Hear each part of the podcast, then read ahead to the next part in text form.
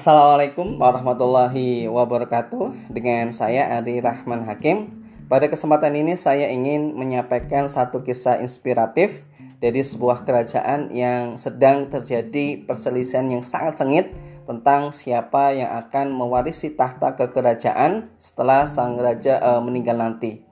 Mengingat sakit sang raja yang semakin hari semakin pertama parah. Konon, sang raja memiliki dua orang putra, di mana putra pertamanya semenjak kecil telah dibuang oleh saudaranya uh, alih-alih diculik.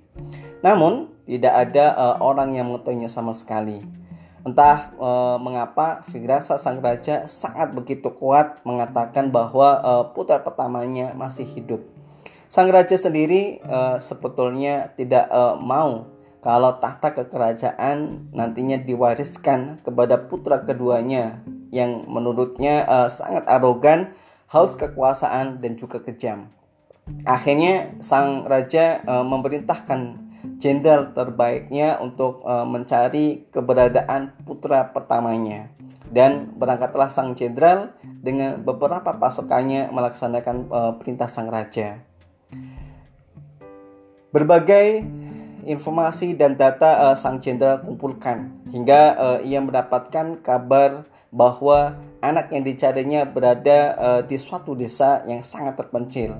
Dengan segera sang jenderal bergegas menuju desa tersebut.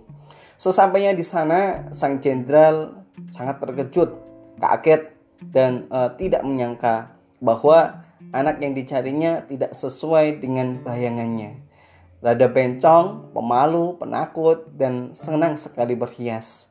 Maklum, menurut informasi yang ada uh, bahwa anak itu semenjak kecil sampai dengan tumbuh dewasa selalunya dikelilingi oleh perempuan-perempuan yang cantik.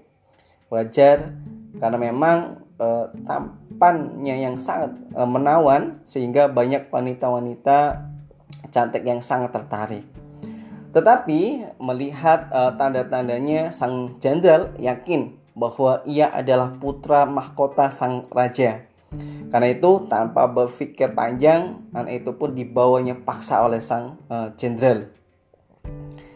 Sesampainya uh, di kerajaan, anak itu uh, dibawanya menghadap sang raja.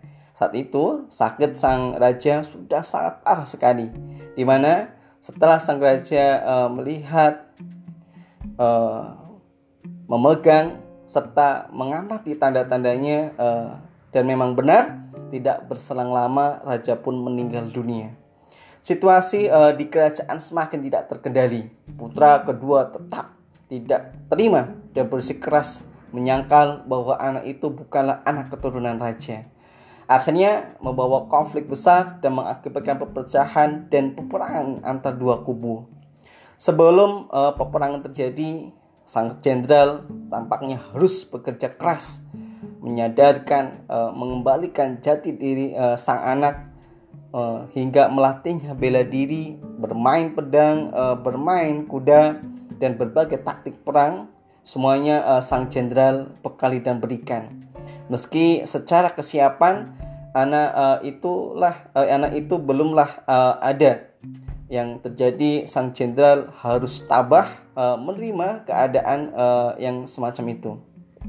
Namun sang jenderal tetaplah patuh, hormat, uh, menjunjung tinggi serta uh, setia.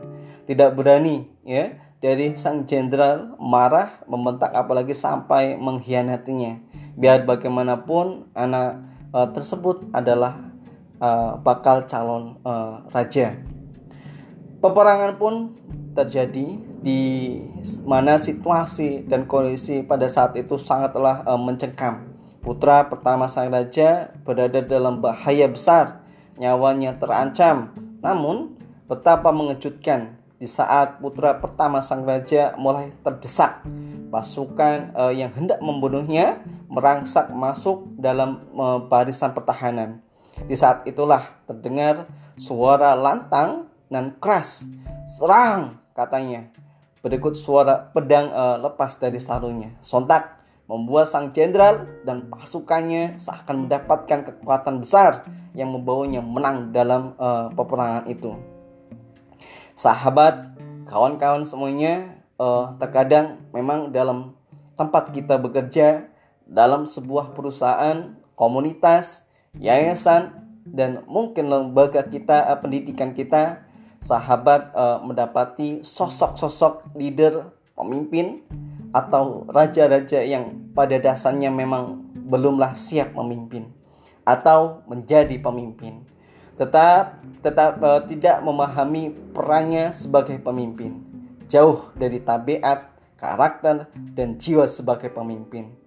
Tidak bisa uh, diharapkan secara penuh membawa orang-orang di belakangnya, apalagi perusahaannya, komunitasnya, yayasan, atau lembaga pendidikannya ke arah perubahan yang besar. Karena itu, bisa jadi kalian, sahabat-sahabat semuanya, adalah jenderal-jenderal terbaik yang diberikan tugas menjaganya, mendampinginya, dan membimbingnya. Latih dan arahkan ia dengan bijak. Sampai jati diri ia sebagai seorang leader, pemimpin, raja ada padanya. Sabar, tetap hormati dan hargai dia. Jangan sampai uh, ada perselisihan, pertengkaran, apalagi sampai mengkhianati atau melengsarkannya. Ingat, kalian adalah jenderal terbaik untuknya. Semoga uh, kisah ini memberikan manfaat yang besar kepada uh, kita semuanya. Wassalamualaikum uh, warahmatullahi wabarakatuh.